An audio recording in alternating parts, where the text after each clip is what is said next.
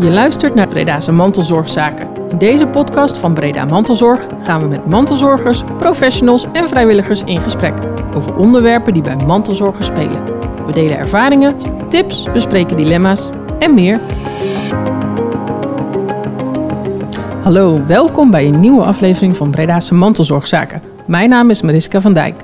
Nou, we hebben superveel leuke reacties gekregen op de allereerste aflevering die we gemaakt hebben. En daarom gaan we door met veel enthousiasme. En ehm, ik vind het heel leuk om mijn gasten van vandaag eh, aan jullie te kunnen eh, aankondigen. Ehm, maar eerst gaan we het even over het thema hebben. Eh, het thema van de podcast is zorg over de vloer, lust of last.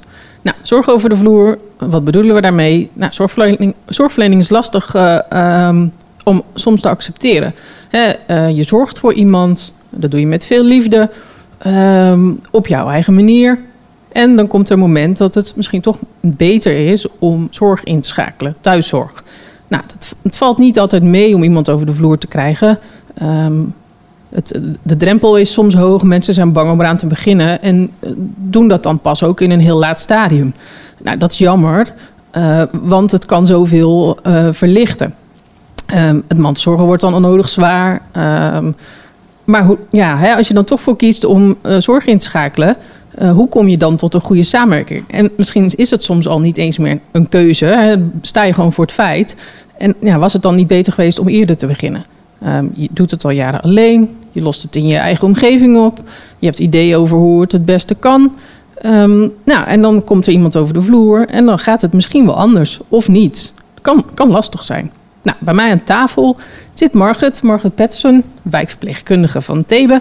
En Petra van Beek, mijn collega van Breda Mantelzorg. Zij is kwartiermaker. Um, Margaret, we gaan even bij jou beginnen. Welkom. Ja, dankjewel. Leuk dat je er bent. Zeker. Je bent wijkverpleegkundige. Uh, kun je daar iets over vertellen? Ja, ik ben wijkverpleegkundige bij uh, TB Thuiszorg. En uh, werk ten eerste ook samen met heel veel andere organisaties en andere wijkverpleegkundigen. Um, als wijkverpleegkundige bevind je je echt op het medische en het sociale domein. Dus uh, behalve de persoonlijke verzorging tot aan allerlei medische handelingen, zoals bijvoorbeeld zondevoeding thuis of katheterzorg. En alles wat daartussenin zit, uh, bemoeien we ons ook een beetje met uh, het sociale domein. Van wat heeft iemand nodig als hij bijvoorbeeld eenzaam is? Hè, wie moeten we daarvoor inschakelen? Of hoe adviseren wij iemand als hij niet de weg weet in alle wetten en regelgeving die er tegenwoordig zijn? En uh, ja, werken we intensief samen met, uh, met de mantelzorgers en houden we veel uh, verpleegkundige adviesgesprekken. Er zit veel in, in jouw functie.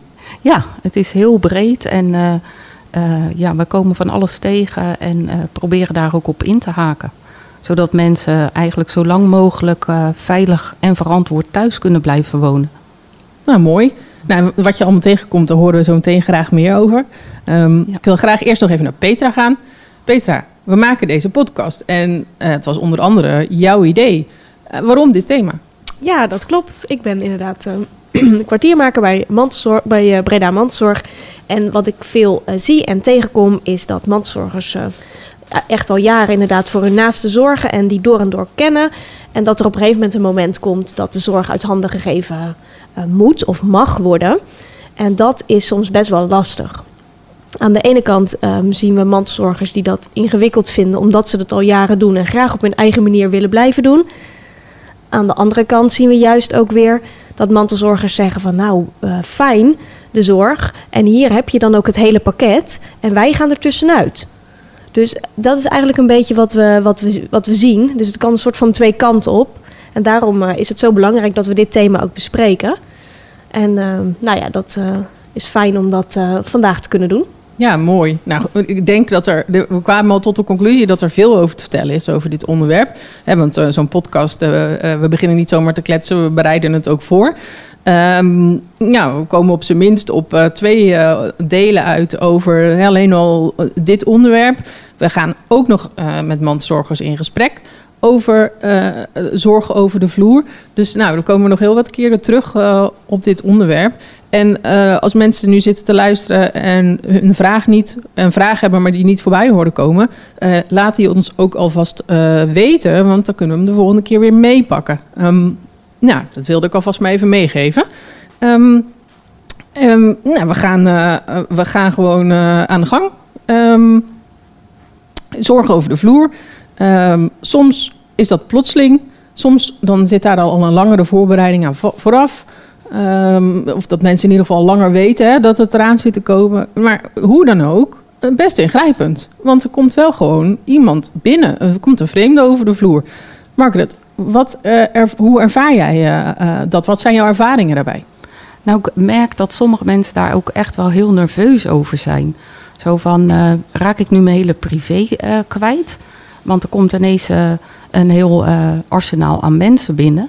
Hè, ons team bestaat bijvoorbeeld uit eh, 16 eh, medewerkers.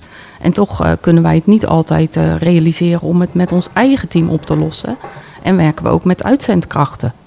Ehm, ja, dat heeft natuurlijk een heel impact op mensen. En eh, het is ook een verschil of je één keer in de week zorg nodig hebt. Of bijvoorbeeld ineens vier keer op een dag. Dan kun je je voorstellen dat, dat je bijna niet weet wat je overkomt. Zoveel mensen over de vloer. Dus eh, bij het startgesprek gaan we dan ook echt wel goed eh, kijken van wie is die oudere? Hè, of eigenlijk wie is die mens? Want je hoeft niet altijd op een hele hoge leeftijd te zijn om zorg te moeten accepteren. Dus, en, en dan bedoel ik niet van eh, het is meneer Pietersen die daar en daar woont, maar echt van wat heeft die persoon precies nodig? Hè? Hoe zit hij in elkaar? Wat is hij altijd gewend geweest in zijn leven? En hoe kunnen we dat met elkaar samen inrichten? Het is niet altijd zo dat wij alles gaan overnemen, want er zijn heel veel zorgvragen en er is eigenlijk nu al te weinig personeel. Ja. En wat je gaat zien in de toekomst, dat dat alleen maar groter wordt. Dus het is heel essentieel dat we samenwerken met elkaar en kijken hoe we dat ook met elkaar kunnen verdelen. Dus dan ga je met elkaar, hè, met, met degene die zorg vraagt, maar ook met de mensen die om hem heen staan, kijken wat er nodig is en hoe we dat kunnen inrichten. Dus we kijken dus dan ook bijvoorbeeld, kan de zorg in de middag in plaats van in de ochtend? En moet je altijd morgens en 's avonds worden uitgekleed? Of kun je makkelijke kleding aan, zodat je bijvoorbeeld één keer in de dag eh, zorg ontvangt? En ehm, ja, zo zijn er een heleboel voorbeelden te noemen hoe je het anders kunt inrichten. Ja, nou, dat is wat je net noemt, hè? makkelijke kleding aan en dan dat je dan één keer in de zorg, eh, één keer in de dag zorg ontvangt. Ehm, hoe, hoe zie ik dat? eh, wat voor makkelijke kleding? Want Nou, bijvoorbeeld, eh, je gaat naar het ziekenhuis omdat je een, eh, een nieuwe knie of een nieuwe heupoperatie moet ondergaan. En dan weet je dat je daarna ongeveer zes weken moet revalideren en niet mag bukken. Dus dan kun je zeggen van, ik moet s'morgens worden aangekleed, s'morgens worden uitgekleed. Die zorg is niet altijd voorhanden. Dan kun je ook met elkaar afspreken, nou, voor die komende zes weken doe je makkelijk huispak bijvoorbeeld aan. En eh, als ik s'avonds naar bed ga, kan ik zelf dat jasje uitdoen. En die, die broek, die laat ik vallen. En die schop ik uit, bij wijze van spreken. En zo kan ik toch gewoon zelf naar bed. En dan doe ik het op wat makkelijkere manier. En dan kun je toch zorg ontvangen die, eh, die wat minder voorhanden is. En daarnaast vind ik ook een heel belangrijk aspect... is dat je wat, eh, wat meer vrijheid hebt. Je kunt op je eigen tempo uit bed komen. Hè, je ontbijt eh, ja, en hoe je het gewend was.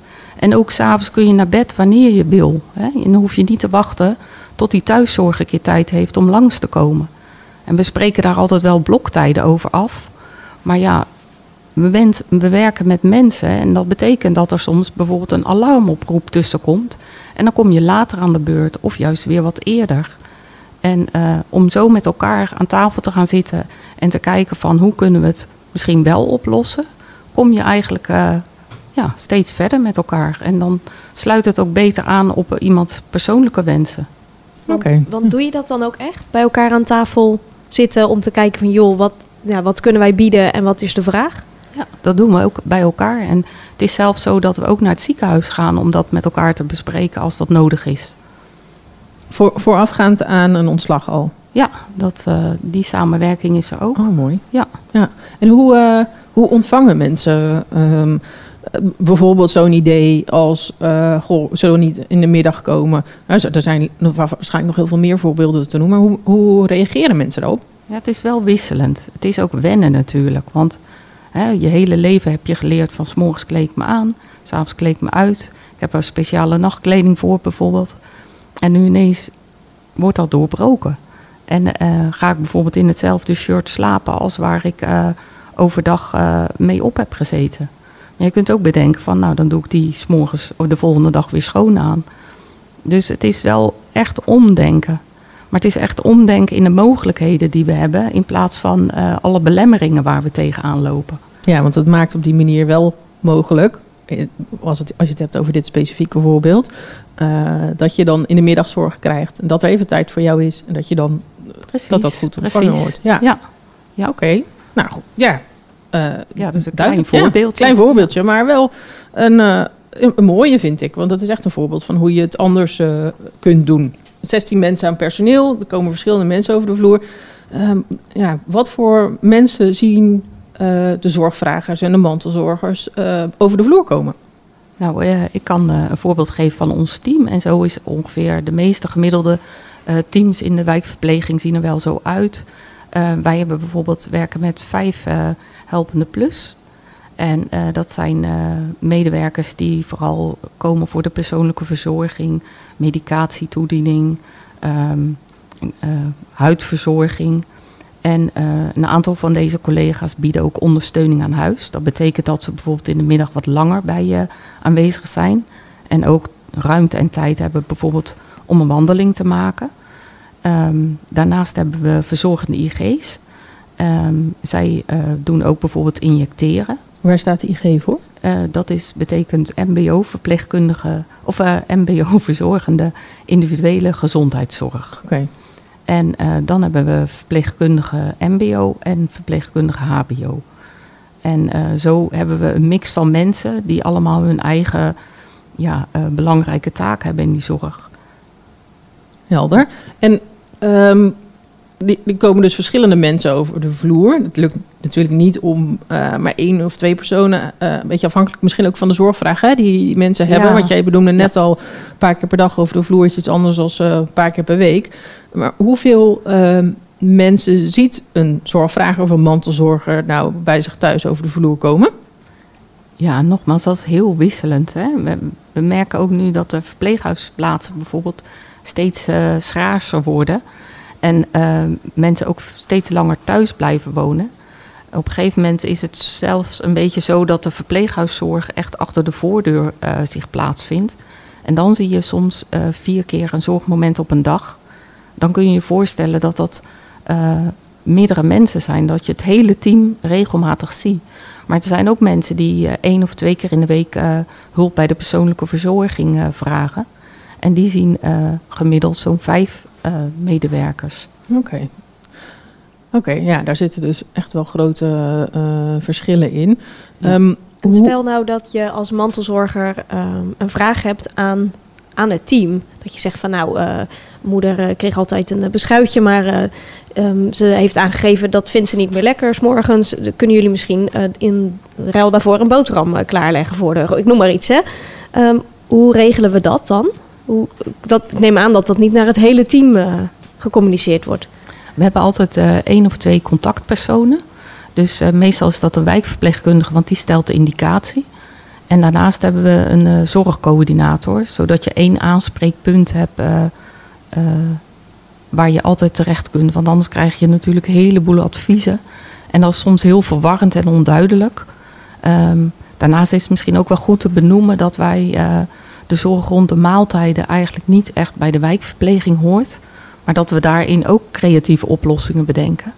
Want uh, als het bijvoorbeeld uh, iemand niet meer lukt om een boterham te smeren, uh, vragen wij vaak aan de mantelzorger om bijvoorbeeld broodpakketjes in de vriezer te doen. En als wij tijdens het zorgmoment dan komen, halen we die uit de vriezer. Zetten we gauw een kopje thee. En de waterkoker gaat aan als we binnenkomen. En na het zorgmoment is het water gekookt en kan nog gerust een kopje thee gezet worden. En zo heeft iemand toch zijn ontbijt. Dus ook daarin denken we heel creatief om, uh, om toch te zorgen dat uh, iemand veilig uh, en verantwoord thuis kan blijven wonen. Mooi. Wat voor vragen kom je nog meer tegen? Wat voor vragen of wensen kom je tegen van mensen die zorg ontvangen of gaan ontvangen? Ik werk veel samen met de huisarts en hij stuurt mij vaak op uh, uh, huisbezoeken, dus uh, verpleegkundige adviesgesprekken van mensen die eigenlijk nog geen directe zorgvraag hebben, maar wel heel veel of kwetsbare gezondheid hebben. En dan gaan we kijken van hoe werkt die zorg nou eigenlijk? Want dat is soms wel heel complex geworden. Hè? Bij de een vraag je dit aan, bij de ander vraag je dat aan. Um, is er bijvoorbeeld een ergotherapeut betrokken, zodat je bepaalde handelingen nog zelf kunt doen? Denk aan het uh, steunkous aantrekken. Um, vaak tobben mensen heel lang om die kousen zelf nog aan te trekken, maar gebruiken ze niet de juiste hulpmiddelen. Nou, dan ga ik samen met mijn collega's van de Ergo gaan we kijken van welke hulpmiddelen kunnen we nog inzetten. Zodat iemand dat toch nog zelfstandig kan blijven doen. En uh, zo werken we bijvoorbeeld uh, de, de, druppelbril. Die hebben jullie laatste. De meeste mensen hebben die ook in het nieuws gezien. Van, mm -hmm. uh, hè, dat, dat maakt dat je ook zelfstandig je ogen kunt druppelen. Um, verder is het vaak een zorgvraag rondom de persoonlijke verzorging. Um, en dan kijken we ook van welke hulpmiddelen kun je nog inzetten. En is er echt al gelijk hulp nodig vanuit een wijkverpleging? Of is het met de juiste hulpmiddelen eigenlijk ook nog zelf te doen? Um, daarnaast heb je natuurlijk de verpleegtechnische handelingen, zoals bijvoorbeeld uh, zondevoeding of een katheter zetten. Ja, daar zie je vaak dat dat uh, overgenomen wordt door de wijkverpleging.